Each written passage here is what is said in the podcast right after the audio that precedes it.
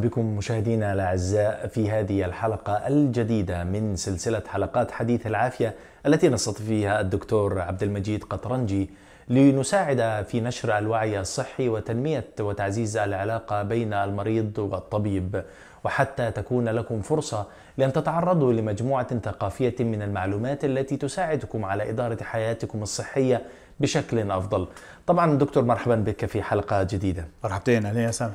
سنستكمل معك حديث العافية ومع مشاهدينا الأعزاء وعنوان حلقتنا لهذا اليوم الصحة العامة أو الببليك هيلث. تمام. نريد أن نكون يعني أكثر قربا مما يعن للناس ويهتمون به الآن وطبعا حديث الكورونا هو الحديث السائد والعنوان الرئيسي.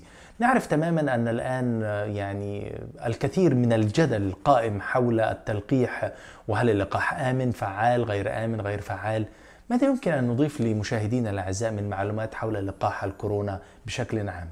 والله الحمد لله يعني المعلومات كثير بتشجع من ناحية إنه الإنسان إذا بيقدر أو قادر عليه لازم يسعى إنه ياخذ التلقيح وبلا شك يعني اللي عم لاقيه من أقوى نوعيات التلقيح وأنا ما ماني مدعوم من هالشركة اطلاقا ولكن الفايزر بيون تك هي التلقيح اللي موجودة يعني بكل محل بأمريكا وعم يلاقوا في منها أكثر فائدة. ولكن كمان لسه ما زال في فوائد من الأسترازينيكا وفي فوائد من ال Johnson and Johnson ومن من هيك. بس أنا يعني أنا نفسي أخذت ال Pfizer BioNTech آه وال Moderna عفوا أيوه نسيت ال Moderna ال Moderna وال Pfizer BioNTech الحلو فيها هي نوع من التلقيح جديد.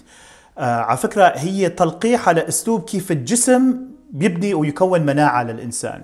بمعنى آخر إنه الفايزر بيودي نوع من المعلومات بتخبر لل للمعدات أو آليات. جهاز المناعة. أيوه آليات بس الآليات بالخلايا اللي بتصنع البروتينات.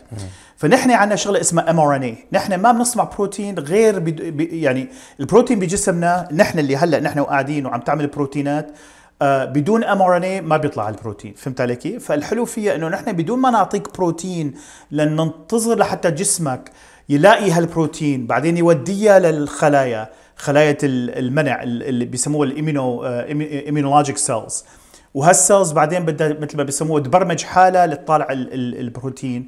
نحن بشكل مباشرة بنبعث ال mRNA بتدخل فورا لل B cells وال B cells فورا طالع ال antibodies أو البروتينات اللي بتخلي الواحد يحارب ويقاوم ضد الفيروس أكثر من هيك لأنه mRNA هلأ نحن مثل ما واحد إذا إذا أنا قلت لك سامح خذ ورقة واكتب لي اسمك okay؟ وقع اسمك. أنت وبعدين مرة ثانية ومرة ثالثه ومرة رابعة ومرة خامسة. واضح إنه سامح هي التوقيع تبعته هي توقيع سامح. ولكن إذا أخذت توقيع لتوقيع ثاني في اختلاف. في اختلاف. شايف كيف؟ الحلو بالام ار ان اي الام ار ان اي بيخلي الإنسان يصنع رد الفعل أو القائمة ضد الفيروس مع هالفرق البسيط. تحديثات وتغيرات في شكل تماماً الفيروس تماما. ولذلك لما نحن عم نقول للناس إنه والله في Delta variant بس اللي آخذ الفايزر ما عنده مشكلة مثل هال مثل مثل هالمثال اللي عم أعطيك إياها إنه أنت لما كان في ال Alpha variant هي ب January وأخذت التلقيح طالعت البروتين بس لأنه نحن أعطيناك الام ار ان اي الام ار ان اي يخليك تصنع مو بس الألفا لأنه الإصدارات المتنوعة تمام. والمتغيرة من الفيروس. تمام. آلي آلية العمل تبقى جاهزة داخل جهاز المناعة في الجسم وفي الخلايا الخاصة بالمناعة لتتأقلم مع طبيعة المتغيرات أيضا التي يأتي بها الفيروس. تماما. وهي كثير مهمة لأنه الناس بدها تعرف كثير ناس عم تقول والله هي مؤامرة هالفيروس الجديدة هي فيروس هي مو فيروس جديدة. كل ما الفيروس بيروح وبيتنقل من مجموعة إلى آخر الفيروس طبيعي بيتغير. مثل هذا هو السؤال دكتور العفو المقاطعة أيوة. لماذا تحدث التغيرات في الفيروس؟ لماذا؟ هلأ الفيروس آه مثل ما آه مثل الإنسان شايف كيف؟ الفيروس كل ما جيل عن جيل آه بيكون في تحولات حسب البيئة حسب ال ال الطعام الموجود لها حسب البشر اللي موجود اللي عم تدخل فيها. يعني الفيروس في حد ذاته يتكيف طبقا للمتغيرات التي يتعرض لها سواء كانت باختلاف أجهزة المناعة من شخص إلى آخر أو حتى من اختلاف البيئة التي ينشأ ويتربى ويعيش في هذا الشخص. تمام تمام. مم. هي مهمة كثير هلأ for instance أنا قطرنجي مزبوط؟ أبوي قطرنجي أبوي من حما okay؟ أنا ربيتها بأمريكا okay؟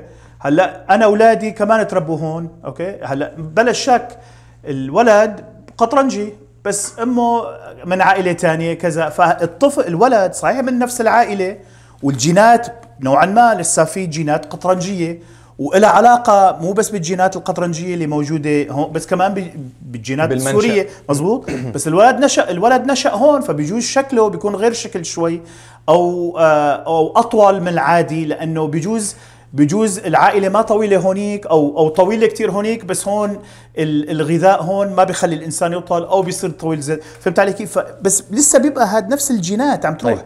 الفيروس نفس الشيء. ألا يدعم هذا نظرية المؤامرة التي يروج لها البعض؟ يقول أن هذه التغيرات التي حدثت للفيروس تم تصنيعها في شكل معملي وأن هذه ليست تغيرات طبيعية. سأسمع منك الإجابة ولكن بعد الفاصل ابقوا معنا.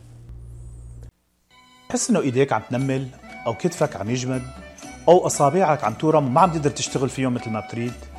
مرحبا أنا الدكتور عبد المجيد قطرنجي.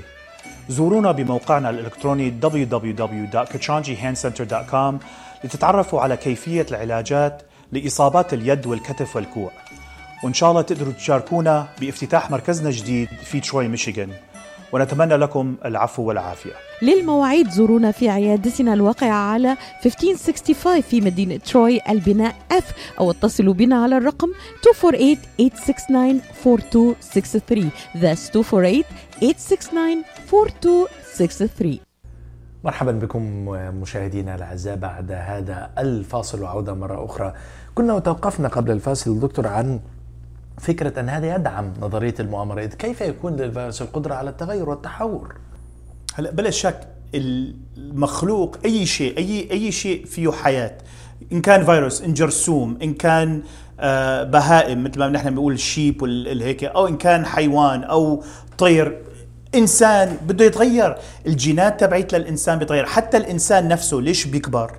ليش؟ بشكله بيكبر لأنه في جينات عم تشتغل لما كان الولد صغير. هلا إذا أنتم أخذتوا صورة آه، آه، من صور لما كنت صغير. شكلي غير شكلي هلأ. هلأ هي بتغير هي هي بتغير المعلومة إنه هاد عبد المجيد قطرنجي وأنا عبد المجيد قطرنجي؟ لا لأنه نفس الإنسان. يعني يعني فهمت علي كيف؟ يعني صورتي لما أنا كنت صغير مثل صورتي هلأ. بس في جينات كانت عم تشتغل لما أنا كنت ولد صغير ما عم تشتغل هلأ. وفي جينات هلأ عم تشتغل فيه ما كان عم تشتغل لما أنا كنت صغير. هي بقى من طبيعة البيولوجي المخلوق هي من معجزة الخلق. ولذلك الفيروس هي مو مؤامرة الفيروس طبيعته. في بيكون عنده جينات عم تشتغل بهالحالة جينات ما عم تشتغل بهالحالة الثانية أنا عندي مناعة للبروتين تبعت الفيروس. من هالمجموعة البروتين بيفتح جينات جديدة. مشان يطالع بروتين جديدة مشان أنا بقى لازم أعمل مناعة جديدة ضد هالبروتين. كل شيء بقى له دور هي مثل هي اخذ وعطاء اخذ وعطاء أهم شيء الناس تعرف وإذا أنتم سألتوا أجدادكم كلهم بيقولوا لكم على تاريخ السل ببلادنا أو على ال hepatitis ببلادنا أو على الإنفلونزا أو الجدري. كيف هن كانوا يعرفوا إنه عندهم أصحاب لما كانوا صغار أو خوات ماتوا. ماتوا من هالفيروس ليش؟ إنه ما كان في مناعة. هن عاشوا ليش؟ إنه عندهم مناعة. سنة تلو الآخر الفيروس تبعت الإنفلونزا اللي كانوا يسموها الإنفلونزا الإسبانية تحولت للجريب هي ما هي فيروس جديدة ما كان في فيروس من إسبانيا خاصة. هي القريب لما هي سافرت ووصلت لإسبانيا تغيرت بشكل بس نفس التغير بدها بالأخير تتحول لبقاية البلاد وبقاية العالم. فمهم جدا جدا للإنسان يعرف إنه هي مو مؤامرة هي من طبيعة ال biology ال biology بتخلي الإنسان دائما عم يتغير ونفس الشيء الفيروس دائما بده يتغير. فهالسنة بده يكون شكل السنة الجاية بده يكون شكل ثانية السنة اللي بعده بده يكون شكل ثالثه هلأ نحن لما بدنا ناخذ التلقيح للإنفلونزا ما عم ناخذ تلقيح كل سنة بعد الآخر؟ ليش إنه في إنفلونزا جديدة كل سنة عم تطلع؟ لا هي نفس الإنفلونزا بس نوعية أو شكلها لما عم تطلع عم تطلع غير شوي. نفس الفيروس بس بقى جينات جديدة عم تظهر حالها بهالهيك ولذلك جدا مهم للعالم تعرف إنه لازم التلقيح إذا بتقدر تاخده خده. بتستفيد أنت بتحمي حالك بتحمي أولادك بتحمي الكبار اللي حواليك بتحمي الضعيف اللي ما بيقدر بيتلقح لأي أسباب من الأسباب. ليش؟ يعني لأنه نحن مو بس عنا هي بابليك هيلث مو بس فقط مسؤولية إلنا وكل واحد حر بس كمان أنت كإنسان عندك مسؤولية للي حواليك. مو عندك بس حريتك لنفسك بس عندك حرية وحقوق اللي حواليك. صحيح. وهذا اللي بيخلي حلو بش- بمجتمع آه، بالمجتمع العربي وهيك لأنه نحن دائما بنهتم بجارنا. وإذا نحن بنهتم بجارنا لازم نحن كمان نه- نهتم بصحة بعضنا. طيب هذا يأخذنا إلى سؤال ان هل تتوقع دكتور أنه في المستقبل القريب ستكون تكنولوجيا تصنيع اللقاحات قائمة على نفس الآلية الجديدة التي استخدمت في Pfizer BioNTech for example ستكون هي السائدة في تصنيع وتطوير اللقاحات حتى لأمراض أخرى قادمة؟ أكتر هو هذا ال- ال- الحمد لله نحن دخلنا بوضع معجزة هائلة. لأنه ال mR لأنه نحن ما عرفنا. ال mRNA هي التلقيح الجديد. هل هو آه شيء جديد نقدر يعني يعني راح يشتغل أم لا؟ الحمد لله بفضل الله سبحانه وتعالى اشتغل بشكل هائل. يعني أحسن مما الناس تتوقع بدها تشتغل. نحن عادة بنصنع تلقيح التلقيح لا عادة مفعوله 80% هالمفعول تبعيت المودرنا والفايزر عم يوصل لل 96% هذا شيء ما كان معروف من قبل. ما في غير الإنسان بيقدر بيعمل هال هال هالنسبة نسبة النجاح. فنحن هلأ عم نعرف إنه في كتير أمراض غير ال ال ال الفيروس. أهم مرض نحن هاك المرض نحن بنسميه هاك المرض بالسرطانات. السرطانات مثل الفيروس بس للأسف هالسرطانات عادة خلايا عنا من جسمنا تغير طبيعتها ومثل ما بيقولوا انشقت عن الجسم الباقي فصارت تتكون هالأورام والسرطانات. هلأ نحن عم نشوف إنه عندنا قدرة مع هالام ار ان اي فيروس ربما نصنع نحن تلقيح ضد السرطان وأنواع السرطان. فمو بس نحن عم نحكي على معجزة إنه مهمية المسؤولية نحن عنا لناخذ هالتلقيح باتجاه ال- الفيروس الكورونا بس نفس أسلوب التلقيح والتكنولوجيا اللي دخلنا فيها ربما بإذن الله بالمستقبل تحل مشاكل زي السرطانات. طيب طبعا يعني هذا التنويه أيضا يعني مشاهدينا الأعزاء أن أخذ اللقاح أمر شديد الضرورة ونؤكد وندعم دعوة الدكتور قطرنجي في ضرورة أن يحصل كل من يستطيع على اللقاح بالتشاور طبعا مع مقدم الخدمة الطبية الخاص به مع طبيبه الخاص. ونؤكد أيضا في نهاية حلقتنا أن التكنولوجيا الحديثة التي وصلنا إليها في تصنيع اللقاحات هي شأن تراكمي لم يحدث اليوم ولكن هو إفرازات تكنولوجية تم يعني على مدى سنوات طويلة أوصلتنا إلى هنا.